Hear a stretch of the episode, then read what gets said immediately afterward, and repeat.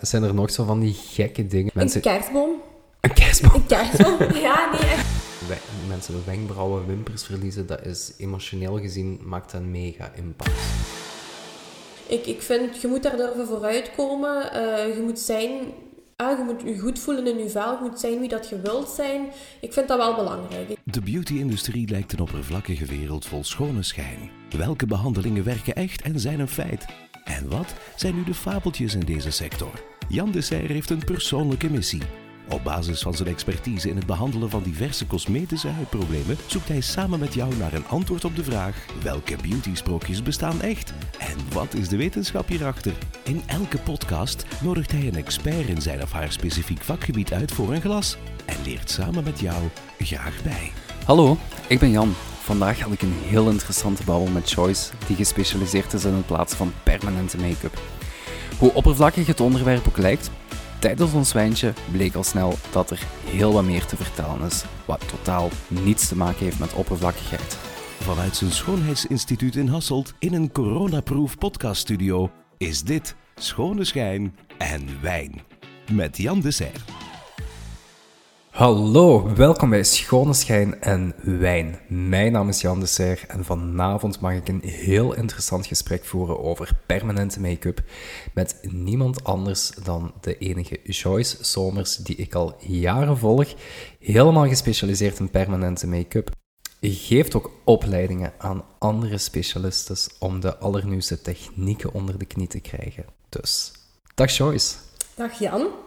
Hoe gaat ie vanavond? Heel goed, hè. Blij dat ik hier mag zijn. Ja, ik ben ook blij dat ik nog eens een wijntje met u kan drinken, Ja. want met heel die corona-dingen is, is dat precies lang geleden. Ja, klopt. Dat is ook.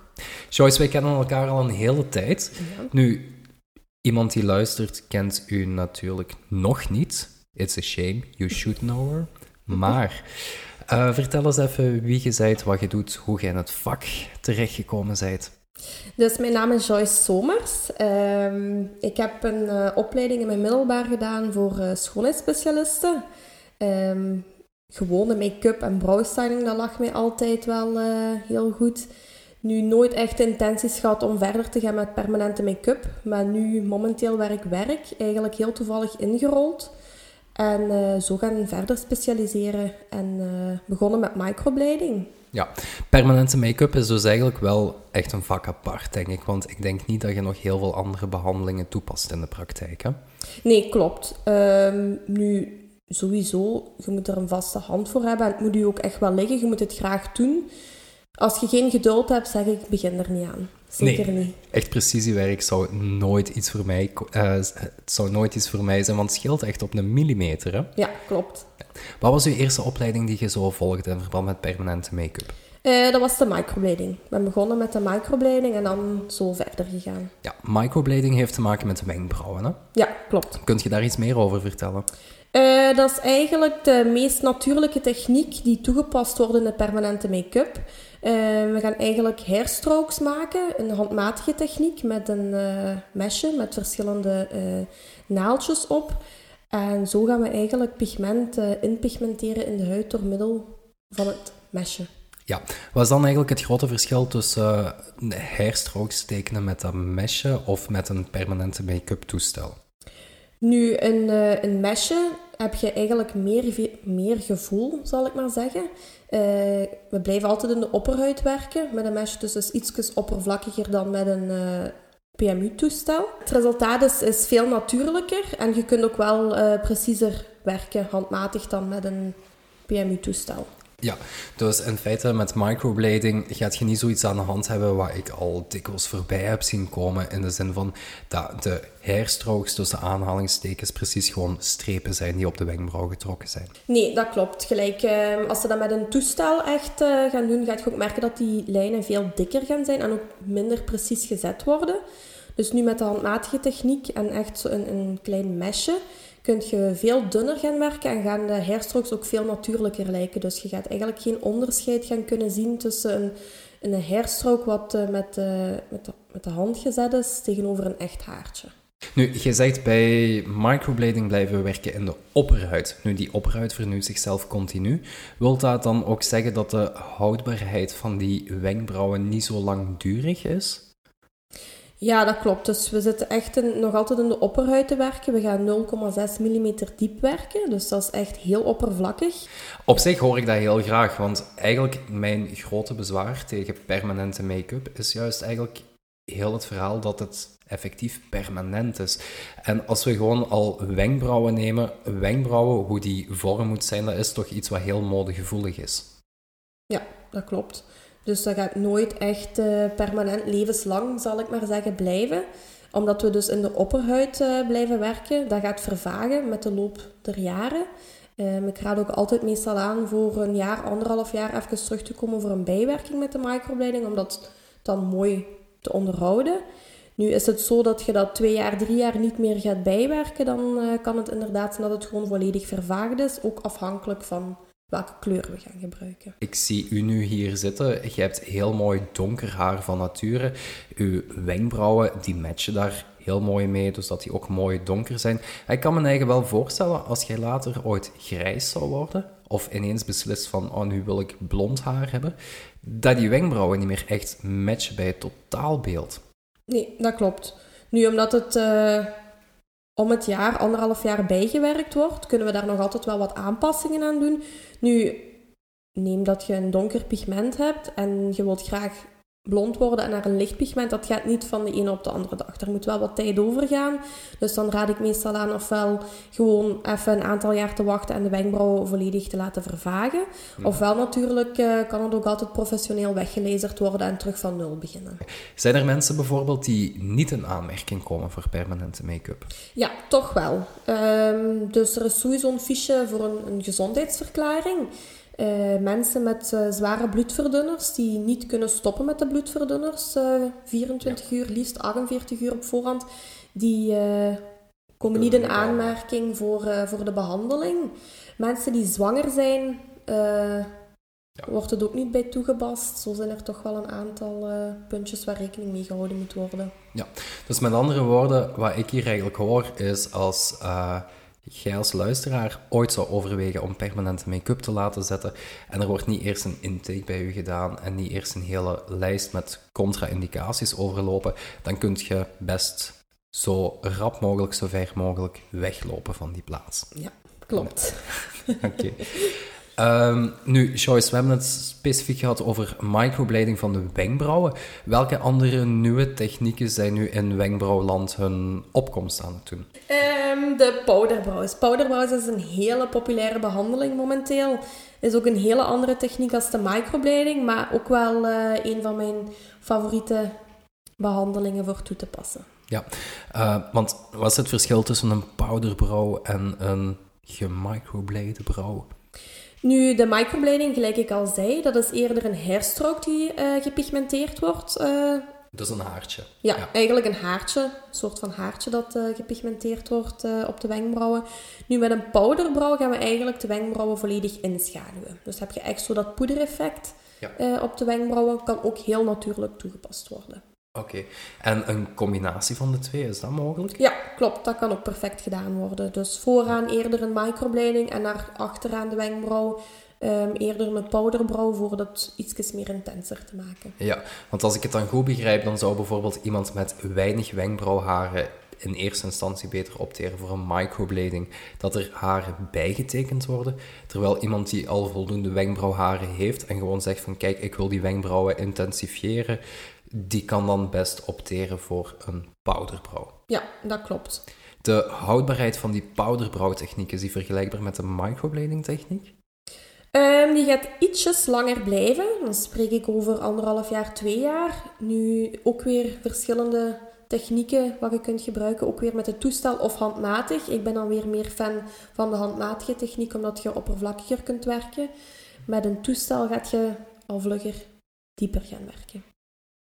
Nu, Joyce, in wenkbrauwen spelen zich toch ontzettend veel rare trends af. Hè? Ik, ik zag laatst bijvoorbeeld ergens een trend uit Rusland, de wave brow. Ja.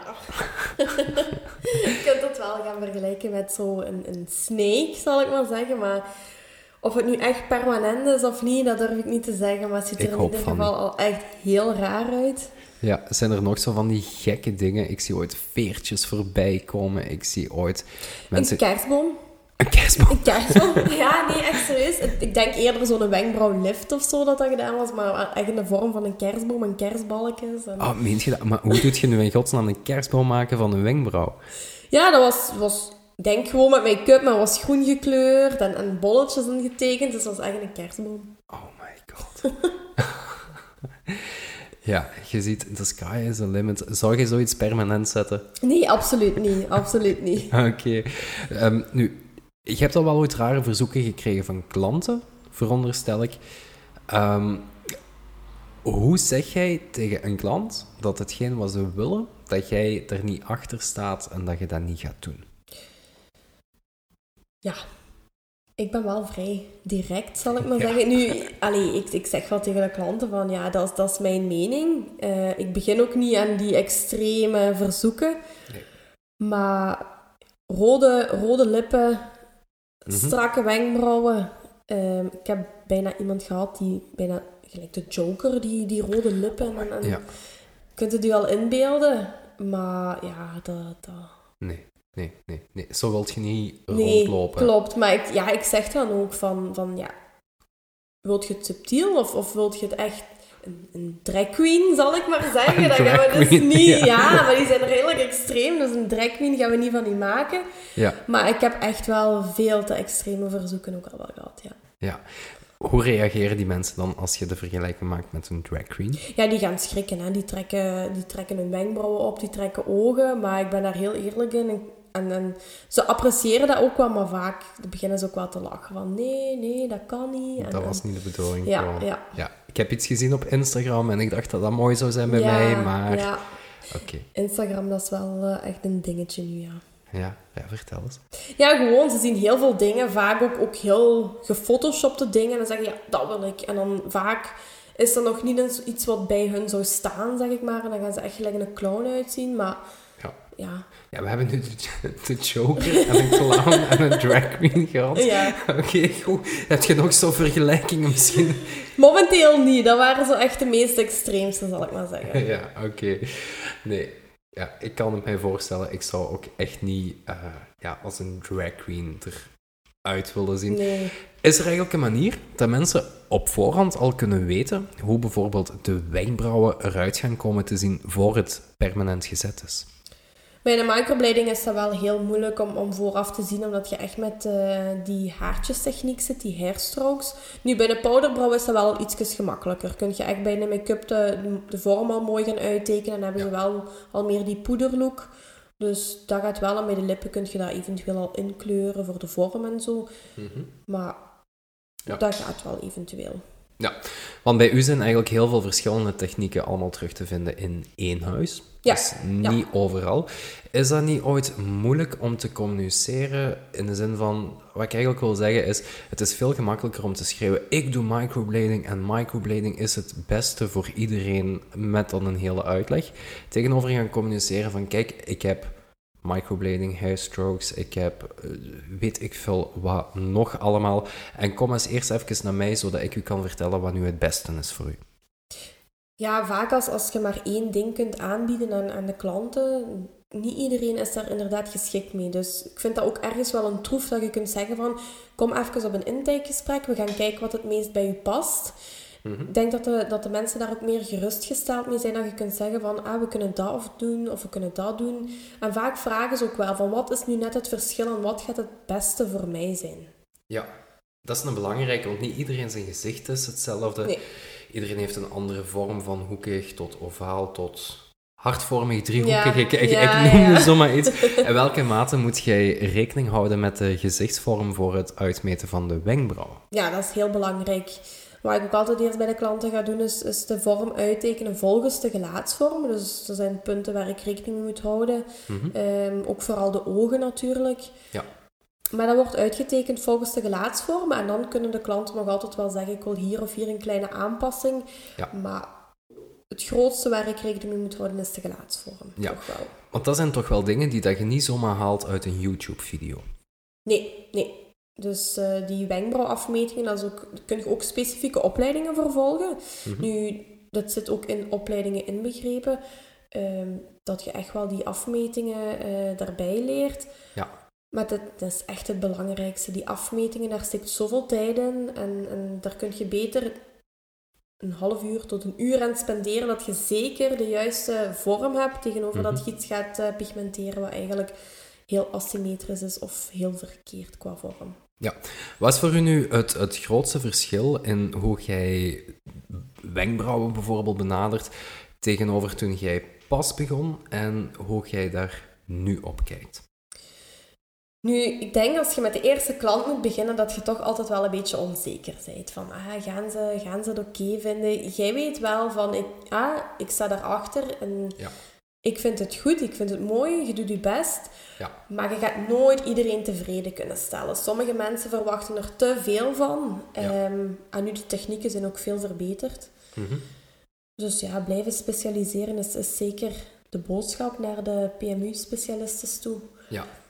Daarom dat ik ook echt voorstander ben van heel het verhaal van kijk, ehm, ga naar iemand die gespecialiseerd is in permanente make-up en niet naar iemand die en permanente make-up doet en voeten en gelaatsverzorgingen en ik, ik bedoel Ja. alles een beetje tussen de soep en de Nee, patatten klopt. doet. Dat, dat vind ik persoonlijk ook wel het belangrijkste. Dat je echt wel ehm, een paar dingen hebt waar je in gaat specialiseren en niet zomaar een... eh, Ja. Nu, op wat voor manieren heb jij bijvoorbeeld ervaren dat je een klant zijn verwachtingen toch niet hebt kunnen waarmaken?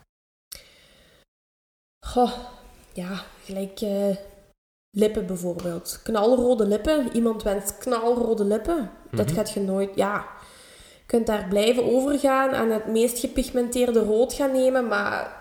Ik ben daar zelf geen voorstander van om voor iemand knalrode lippen gaan te geven. Ja. Ehm, dus soms verwachten ze knalrode lippen, maar dat kan ik En- hem niet geven. Omdat die lippen gewoon zo snel vervagen? Ja, dus er gaat echt 70% van vervagen. Ehm, ik doe ook nog altijd een touch-up aan de lippen, is dat na 8 weken. Eh, dan gaat het pigment nog maar 20% gaan vervagen, maar echt knalrood gaat je die nooit krijgen. Nee. Dus in feite, ook al hebben we permanente make-up laten doen, als we echt voor een volledige, volle liplook willen gaan, dan blijven we toch nog altijd lipstick Ja, nodig toch hebben. wel. Ja. Toch wel, oké. Ziet je dan zelf eigenlijk een beetje toegevoegde waarde van die full lips behandeling of niet? Nu, mensen die zo heel bleke lippen hebben, weinig doorbloeding in de lippen, gaat je zeker eh, heel blij maken met een full lip. Dat je toch wat kleur, meer leven in het gelaat gaat brengen. Eh, mensen die met zo wat blauw-paarsige lippen, kun je ook wat gaan corrigeren voor een frissere liptint. Ehm, maar ja, ik zeg het, als met die rode lippen, dan gaat je Nee. Dus voor een daglook zou het eigenlijk een ideale oplossing zijn. Ja. Maar voor, om te zeggen van kijk, ik ga mijn avondmake-up achterwege laten als ik ga eten of ik ga op stap of whatever, daarvoor dan toch net niet. Nee, nee, zeker niet. Oké. Nu, Joyce, wat zijn zo de voornaamste redenen waarom mensen langskomen voor permanente make-up aan de wenkbrauwen? Sowieso omdat het eh, gemakkelijk is, dus echt voor het esthetische. Mhm. Ehm, een asymmetrie in de wenkbrauwen. Nu, het voornaamste dat ik ook wel eh, in de tijd gezien heb, is zijn eh, kankerpatiënten. Mensen die beginnen of bezig zijn met chemotherapie. Nu, bezig zijn sowieso niet. Dus Nee, ik heb er een niet? aantal gehad die eh, voor de chemotherapie Ja. het hebben laten doen, omdat er kans is dat de haartjes eh, gaan uitvallen. Mhm. Nu, tijdens de chemotherapie mag het niet toegepast worden, omdat er verschillende vloeistoffen in het lichaam worden ingebracht. Dus de huid is veel gevoeliger, veel dunner en er is ook kans op eh, verkleuring van de wenkbrauwen. Wat voor impact maak jij bij mensen die, ja, hoe erg het ook is, ja, kanker hebben, ik merk dat heel vaak, de moment waarop die haren uitvallen, waarop de mensen de wenkbrauwen, wimpers verliezen, dat is emotioneel gezien, maakt dat een mega impact op, Ja. op iemand zijn leven. Nu, ja, daar kun je dus de mensen mee helpen door op voorhand voor een mic met een microblading of permanente make-up techniek die wenkbrauwen al, al te gaan ja, tatoeëren is het verkeerde woord, hè, maar te, te gaan zetten. Ehm, vind je dan ook niet ergens dat mensen die pas de diagnose van kanker krijgen, dat die daarop attent gemaakt moeten worden dat dat een optie is om nu te doen, voor ze beginnen met de therapie en niet tijdens de therapie, want dat maakt echt een wereld van verschil eigenlijk op, de op het leven van iemand, hoe die in de spiegel kijkt. Ja, zeker wel. Ehm, ik heb ook een, een tijdje echt dat er, dat er veel kankerpatiënten langskwamen. Ehm ook wel wat jongere mensen, zal ik zeggen, met, met jongere kindjes. Dus die vroegen ook specifiek van, ja, wat is het beste? Daarom raad ik ook altijd aan voor even op, op intake te komen, wat kan en wat niet kan. Ehm, maar als de haren gaan uitvallen en, en mevrouw zei van, ja, mijn kinderen, ik wil niet dat mijn kinderen dat gaan zien. Dus het is zeer belangrijk dat ze dat ervoor doen. En ik vind ook wel dat, dat de artsen dat, dat mogen aangeven van, ah, deze oplossingen kunnen we aanbieden. Ja. Ehm, en dat dat ook voor de chemo gedaan wordt. Nu, achter de chemo, chemo kan dat ook gedaan worden, maar een Niet zelfvertrouwen... Nee, zeker niet tijdens de chemo, maar het zelfvertrouwen na de chemo is bij de mensen meestal al vrij laag, Ja. omdat de wenkbrauwen volledig weg zijn. Ja. Dus het is altijd leuker voor de mensen dat het ervoor gedaan wordt. Ja, want ik had laatst nog bijvoorbeeld zo'n klant die was haar wenkbrauwen effectief al verloren tijdens de chemobehandeling. Die was nog niet uitbehandeld. En ja, ik heb die dan toen eigenlijk geleerd hoe ze haar wenkbrauwen kan bijtekenen met een potlood. En dat was, ja, dat was fenomenaal eigenlijk. Want voor mij is dat een stom wenkbrauwpotlood, bij wijze van spreken. En voor die vrouw was dat een stukje zichzelf terug normaler voelen Ja, ik, ik was er toen mega van aangedaan dat dat zo'n impact had echt op het leven van iemand. dat is echt een, een zelfbeeld, een zelfvertrouwen. Ik heb daar persoonlijk ook het meeste voldoening van, zeg maar, omdat je iemand echt dolgelukkig kunt maken met, Mhm. met nieuwe wenkbrauwen. Ehm, Ja, het, want, want, want het lijkt er op zich iets heel oppervlakkigs allemaal. Hè? De make-up, de permanente make-up. Maar in feite, voor heel veel mensen is dat zo niet. Pak nu bijvoorbeeld iemand met, dat is nog zo'n vaak voorkomend probleem. Alleen vaak, zo vaak komt het niet voor, maar het komt toch geregeld voor. Mensen die alopecia hebben. ja, klopt. Ik heb eh, namelijk ook een man gehad eh, in het instituut die eh, alopecia had. Ja, alopecia wil zeggen dat haren uitvallen Ja. van het lichaam. Ja, klopt. Zowel eh, had hij geen wimpers meer, geen wenkbrauwen, eh, geen, geen haren. Nu, hij tekende dat bij met een, een gewoon potlood. Echt een, een gewoon Ja. potlood. En eh, ja, als meneer ging zwemmen of hij ging douchen, dan was het weg. En hij wou echt een, een oplossing daarvoor. En het was wel fijn om, om hem te kunnen helpen en om toch een oplossing te kunnen bieden wat zo, ja, Ja. een beetje semi-permanent is, zal ik maar zeggen. Ja, nu, dat is ook totaal anders, denk ik, als je een wenkbrauwvorm gaat bepalen bij een man tegenover een vrouw. Ja, zeker. Bij een man mag dat wel wat eh, nonchalanter, minder strak, minder afgeleid. Mag iets speelser gedaan worden tegenover een vrouw. Bij een Ja. vrouw moet het toch nog altijd elegant en, en wat strakker zijn als, als bij een man. Ja. Ja. want zeker bij mannen, als ik u wil vertellen, bijtekenen met een wenkbrauwpotlood. Allee, ja, in mijn hoofd is een wenkbrauwpotlood altijd een no-go voor een man. Ja, toch wel. Je zag het ook wel dat het, dat het echt bijgewerkt was. En, en Ja, ik vond het ook een beetje sneu, want hij zei zelf ook, ja, ik ben een man en ik, ik moet toch geen make-up gebruiken om, om, mijn, om mijn wenkbrauwen te maken. Ik wil Ja. dat dat er staat en, en dat ik daar niks meer aan moet doen. ja. ja, in dat opzicht vind ik eigenlijk dat heel het verhaal van permanente make-up, van, van wenkbrauwen en vorm hebben, dat ineens een heel andere dimensie krijgt gewoon. Ja, dat is ook. Veel mensen weten ook niet dat het bij mannen ook toegepast kan worden. Maar gelijk bijvoorbeeld eh, een accidentje in de wenkbrauw, een litteken in de wenkbrauw kan perfect weggewerkt worden, ook bij mannen. Daarom moet het niet een volledige wenkbrauw zijn dat wordt bijgewerkt, maar kan ook wel echt plaatselijk worden toegepast. Ja, nu, een litteken en een wenkbrauw, dat brengt mij eigenlijk precies zo ergens terug naar de 90s, waarbij dat er altijd wel ergens één lid van een boysband een stuk van zijn wenkbrauw eh, wegscheerde Ja. omdat dat stoer was. Wordt dat nu nog gedaan? Oh, dat echt wegscheren denk ik niet. Ik denk dat er altijd wel mensen zullen zijn wat zo een beetje een eigen stijl eraan hebben, maar... Als ik het nu zie, is het vaak toch wel een, een littekentje, maar dat echt wegscheren van vroeger, het streepje in de wenkbrauw, dat, dat kom ik niet vaak tegen. Nee. En merk je verschil tussen dat dat streepje, dat littekentje in de wenkbrauwen, dat dat meer stoort bij, bij vrouwelijke klanten of bij mannelijke klanten, of is dat 50-50? Goh, dat is een beetje gelijk. Ik denk, allee, vroeger was het echt taboe als een man zich verzorgde. Nu vind ik echt, een man mag er ook goed uitzien, mag zich ook mooi verzorgen. Ehm, en de mannen durven ook meer naar het instituut toe te stappen. Zowel voor, voor andere behandelingen als voor eh, permanente make-up. Ja. Kijk, wij hebben ook heel veel transgenders in het instituut. En ehm, dat is ook wel altijd fijn voor hun te kunnen helpen. En op welke manier helpt je dan een transgender? Heel elegante wenkbrauwen. Ehm, soms ook wel de lippigmentatie of een eyeliner kan ook wel worden toegepast. Maar een, een zoveel mogelijk vrouw maken, zal ik maar zeggen. Ja, dus het is vooral mannen die vrouw worden Ja. die je ziet in het Ja, toch wel. Toch Ja. wel. Oké. Dat is ook een heel traject eigenlijk wat die mensen doorlopen, hè? Ja, ik heb het nu een aantal keer gezien. Ehm, we zijn eigenlijk ook weer zo'n beetje gespecialiseerd met die transgenders, ook voor, voor andere behandelingen dan. Ehm, maar het verhaal wat ze ook vaak vertellen is ook heel aangrijpend, omdat er een heel proces, dat is niet van, van maanden, maar echt van jaren dat daarover gaat. En Mhm. je ziet hun echt vrouw worden en, en je ziet ze gelukkiger worden, meer hun eigen. Ja, dus er loopt eigenlijk een man binnen de Ja. eerste keer en na, na hoeveel tijd loopt er ongeveer een vrouw buiten? Goh, dat bij de ene gaat dat wat rapper als de andere, maar dat is een heel proces natuurlijk. Maar echt compleet vrouw, ik denk dat er toch wel gemakkelijk een, jaar, twee jaar over gaat, eer dat ze volledig als vrouw naar buiten stappen. Psychologisch moet het ontzettend zwaar zijn voor die mensen, denk ik. En ik kan me moeilijk voorstellen dat dat ook geen impact heeft op u als, als, als persoon. Want je bent eigenlijk een schoonheidsspecialiste, maar langs de andere kant zijt je ook op de hoogte van zoveel facetten van iemand anders zijn leven. Eh, We hebben het nu over kanker gehad, we hebben het nu over transgenders gehad. Hoe koopt jij daarmee?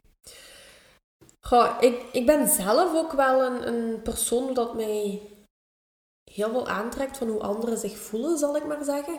Eh, maar gewoon het verhaal dat ze mij vaak vertellen, ik merk dat, dat ook vooral transgenders ook, ook vaak nood hebben aan die babbel. Dat ze echt hun verhaal even moeten kwijt kunnen van dat en dat.